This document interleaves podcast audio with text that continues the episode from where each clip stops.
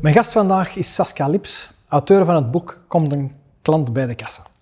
Saskia kijkt naar de winkel vanuit het oogpunt van de klant. Klopt, inderdaad. Saskia, vertel, hoe ziet de klant vandaag de winkel? Ja, de hele retailsector, hè? want dat is natuurlijk wel een hele dynamische en, en grote sector geworden. Die zich al lang niet meer beperkt tot, uh, tot uh, de, de, de omgeving, maar echt wereldwijd is geworden. En uh, dat heeft ook wel ervoor gezorgd dat consumenten, klanten, um, ook wel willen begrijpen waar jouw winkel nu voor staat en waarom ze ook bij jou zouden moeten kopen. Mm -hmm. En zo zijn we geëvalueerd van een producteconomie naar een diensteconomie naar nu de belevingseconomie. En belevingseconomie is een beetje een besmet begrip geworden. Ja, um, ja de, de, de, winkelier ziet de belevingseconomie vaak als meer en meer en meer beleving gaan toevoegen. En dan krijg je dat ze denken dat ze met geuren en kleuren en verlichting en nou ja, noem het op, allemaal moeten gaan werken. En toch is dat eigenlijk helemaal niet wat de consument wil.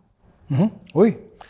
Dus beleving en experience, hetzelfde begrip of gaat het over, over andere dingen? Nou, en wat, wat, wat zoekt de consument vandaag dan wel? Ja, de consument is op zoek naar identificatie. Die wil begrijpen waarom een winkel wel of niet geschikt is voor hem of haar op het moment dat hij iets nodig heeft. Mm -hmm. En hoe duidelijker uh, het is voor een consument om, om ja, waar een winkel voor staat, hoe beter ze ook weet of ze haar geld bij jou wel of niet wil besteden. Ik ga gelijk even hele praktische voorbeelden ja? geven. Um, als je bijvoorbeeld kijkt, en dat, je kunt zeggen dat is een makkelijk concept, um, uh, het prijsconcept. Pak even de Action als, als, mm -hmm. als voorbeeld. Action is echt een prijsretailer. Die zegt, uh, kom bij mij kopen, ik heb veel voor weinig en ja, zolang het er is, is het er.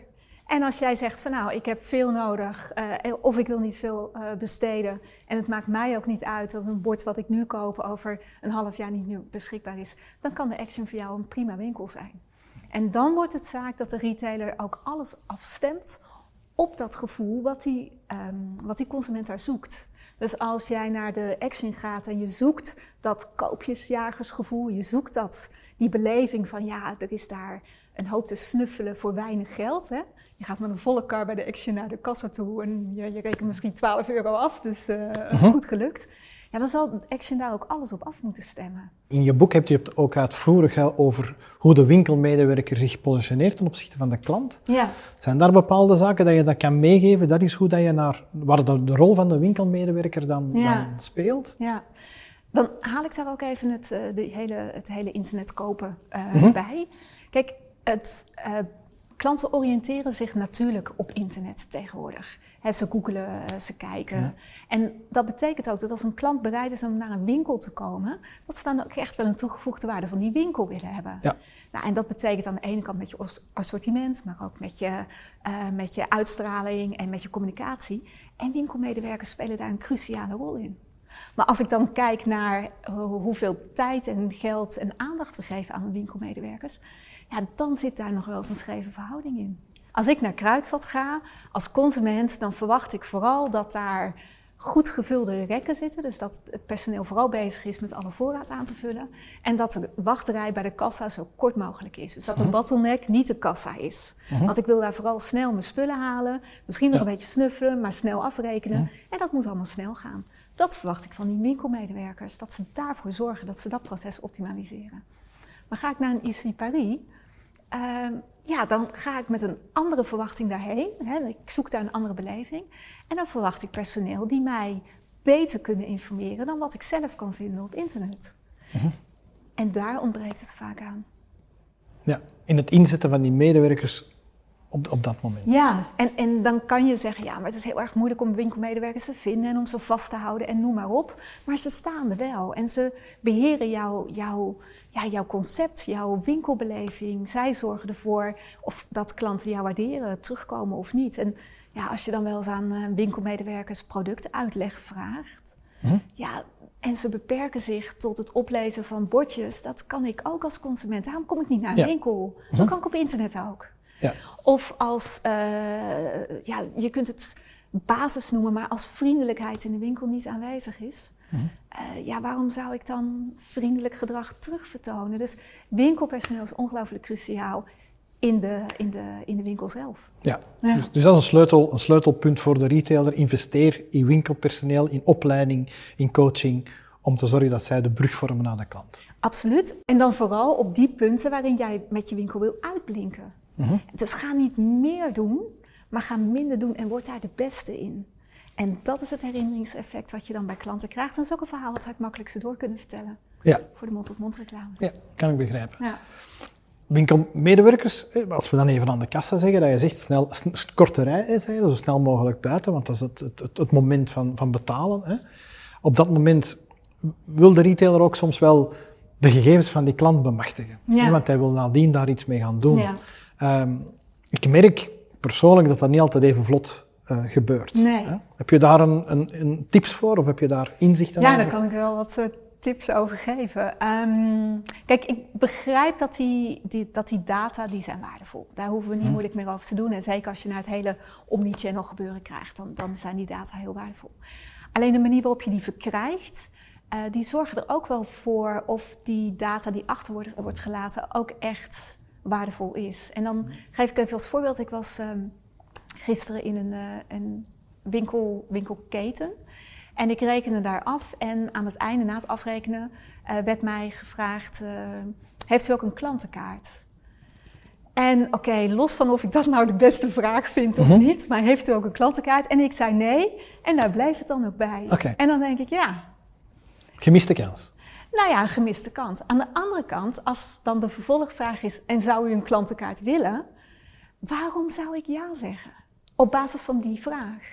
En dan kom je in een leuk psychologisch verhaal en dan blijkt dat de consument wel bereid is om informatie met je te delen, als ze ook weet waarvoor ze dat deed, waarom ze dat deed, en wat ze daarvoor terugkrijgt. Een vraag die ik, eh, die ik aan alle gasten stel. Hoe, Ja. hoe zie je de toekomst van de winkel? Hè, men spreekt e-commerce, Ja. het wil eat the world, Ja. eh, winkels, doemscenario's gaan dicht. Hoe zie je de toekomst van de winkel? Nou, dat gebeurt natuurlijk. En je ziet, het, het hangt er ook vanaf of je het over de stad hebt, of over centra hebt, of over dorpen hebt, noem maar op. Ehm, een feit is dat de kliks en de bricks elkaar versterken. Eh, wa- waar winkels enkel nog internetwinkels waren, zoals Coolblue ooit begonnen is, dan zie je ook dat ze nu eh, fysieke winkels open en andersom. Fysieke winkels die niet met internet, met, in- eh, met Ja. webshops bezig zijn, hebben het ook heel erg moeilijk. Belangrijk voor mij is dan weer dat de consument, ehm, als zij voor een bepaald concept kiest, hè, een winkelconcept kiest, dat of ze nou bij de kliks komt of bij de bricks komt, hè, dus op de webshop komt of in de winkel, dat ze altijd dezelfde beleving ervaart. En dat het elkaar ook versterkt. Het, het mag niet zo zijn dat ik, eh, ik ben eh, op, via Facebook bij een bepaalde winkelketen en ik zie daar een hele leuke actie voorbij komen of een leuk product wat ze in de kijker zetten. En ik besluit, omdat ik toch naar de stad ga, om dat in de winkel te willen gaan kopen, dat ik binnenkom en dat ik aan een medewerker vraag. Ja, want ik zag op Facebook een leuk, eh, een mooi, eh, mooi product van jullie. En dat ze zegt, oh, huh, een Facebook? Oh ja, dat weet ik niet hoor. Nee. Dat krijg ik. En dan denk ik, ja, dat past niet meer in deze tijd. Als dat ik is niet meer nodig. Nee, dat klopt. Als, Ja. als, ik, als ik me niet vergis, dan, dan doe je ook mystery shopping en dergelijke. Absoluut, Ja. ja. ja, doe je graag precies. Ja, dat, weet je, om, omdat dan meet je werkelijk wat er gebeurt. Kijk, ik geef ook trainingen aan, noem het allemaal maar op. Als bedrijven dan denken, oh ja, dat gebeurt bij ons niet, dan challenge ik ze. En ik zeg niet dat het gebeurt, maar de kans is toch bijzonder groot. En Ja. dan vind ik ook, wat voor mij belangrijk is, is dat ik me eerst inleef in het winkelconcept en voor welke klant dat winkelconcept is bedoeld. Eh, en nou, dat betekent dat je, in mijn boek beschrijf ik dat ook wel hoor, je hebt doelklanten en schijnklanten. Doelklanten, dat is, zijn de klanten die je met je concept wil aantrekken. En schijnklanten, dat zijn klanten die eigenlijk niet zo bij je concept passen, maar die toch voor jou kiezen uit gemak. Bijvoorbeeld omdat je de dichtstbijzijnde bent of wat dan ook. En dan is het belangrijk dat je meet wat past bij de winkel. En niet wat ik als Saskia Lips belangrijk vind, Ja. want het draait niet om mij. Maar het kan zijn dat bijvoorbeeld in een solderperiode dat je een ander type klant Absoluut. aantrekt. Ja, dan, dan, jaag je, dan, dan trek je de koopjesjagers aan. En dat kunnen mensen zijn die in de zolderperiode heel erg fan van zijn van jouw winkel. Mhm. En maar de rest van het jaar zie je ze niet. Maar dat geeft niet. Dat is dan eh, de doelklant op dat moment. Het kan ook zijn dat jouw vaste klant niet in de zolderperiode komt, omdat zij zich op die manier niet wil identificeren met jouw winkel.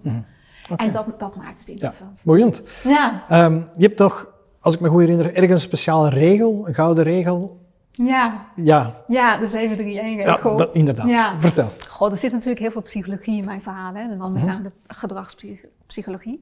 En de 731-regel, ehm, ja, die gebruik ik zowel eh, in het bedrijfsleven als in de retail. ehm, vind ik een heerlijke regel. Ik leg hem even heel Ja, tuurlijk, praktisch ja. uit. Eh, de 7, die staat voor het aantal voorwerpen, objecten, wat een mens in één keer kan waarnemen. Mhm. Dus leg ik zeven voorwerpen op tafel, dan kan je met één blik die zeven voorwerpen zien. Leg ik er acht neer, dan gaat je mind gaat groeperen. Hoe zie je dat bijvoorbeeld bij telefoonnummers? Die staan, bestaan vaak uit tien cijfers. En hoe, dat kunnen we in één keer vinden we dat heel erg lastig. Dus wat gaan we dan doen? Zetten we een streepje en puntjes Ja. tussen en dan kan, kunnen we het weer makkelijk lezen. Dus zeven staat voor wat je in, met één waarneming kan bevatten. Eh, de drie staat voor de, ehm, de onderdelen waar je ook oprecht in geïnteresseerd kunt zijn of waar je ook echt mee bezig kan zijn. Dus van die zeven zijn er vaak drie die jou actief bijblijven. En de één staat voor één ding die je mensen maar kunt laten doen. Nou, even terug naar de winkel. Hoe werkt dat nou bijvoorbeeld? Ehm, veel winkels hebben van die middenconsoles staan, waar ze dan eh, truien en broeken en weet ik wat op heeft. Als je wil dat de klant het overzicht behoudt van wat heb je nu allemaal in deze winkel, dan zouden er in praktijk niet meer dan zeven producten kunnen liggen. Want een klant kan toch niet meer waarnemen. Heb jij nog, nog tips voor onze retailers? Tips voor de een retailers. gouden tip. Ja, een gouden tip. Ja. Ehm, ik denk, niemand zit, niemand zit te wachten op het, op het gouden toverstafje. Want als die voor jou geldt, dan geldt die voor iedereen. Mhm. Ik denk dat het heel erg belangrijk is dat je vanuit het concept waar je winkel voor staat, gaat kijken. Alles wat wij hier doen, ehm, versterkt dat het eh, concept of verzwakt dat het consument, eh, concept voor de consument? En alles wat je doet waardoor de consument gaat twijfelen, of je de consument laat twijfelen, of een verkoopdrempel inbouwt, of wat dan ook. En die heb ik allemaal beschreven in mijn boek. Ehm, dat zijn allemaal redenen voor klanten om niet meer terug te komen. En daar denk ik dat er nog heel veel te behalen is voor winkels. Niet alleen maar kijken naar wat, wat kunnen we doen, maar misschien ook wel wat moeten we niet meer doen. Ja. Bedankt voor de inzichten Ja, en eh, succes. dankjewel.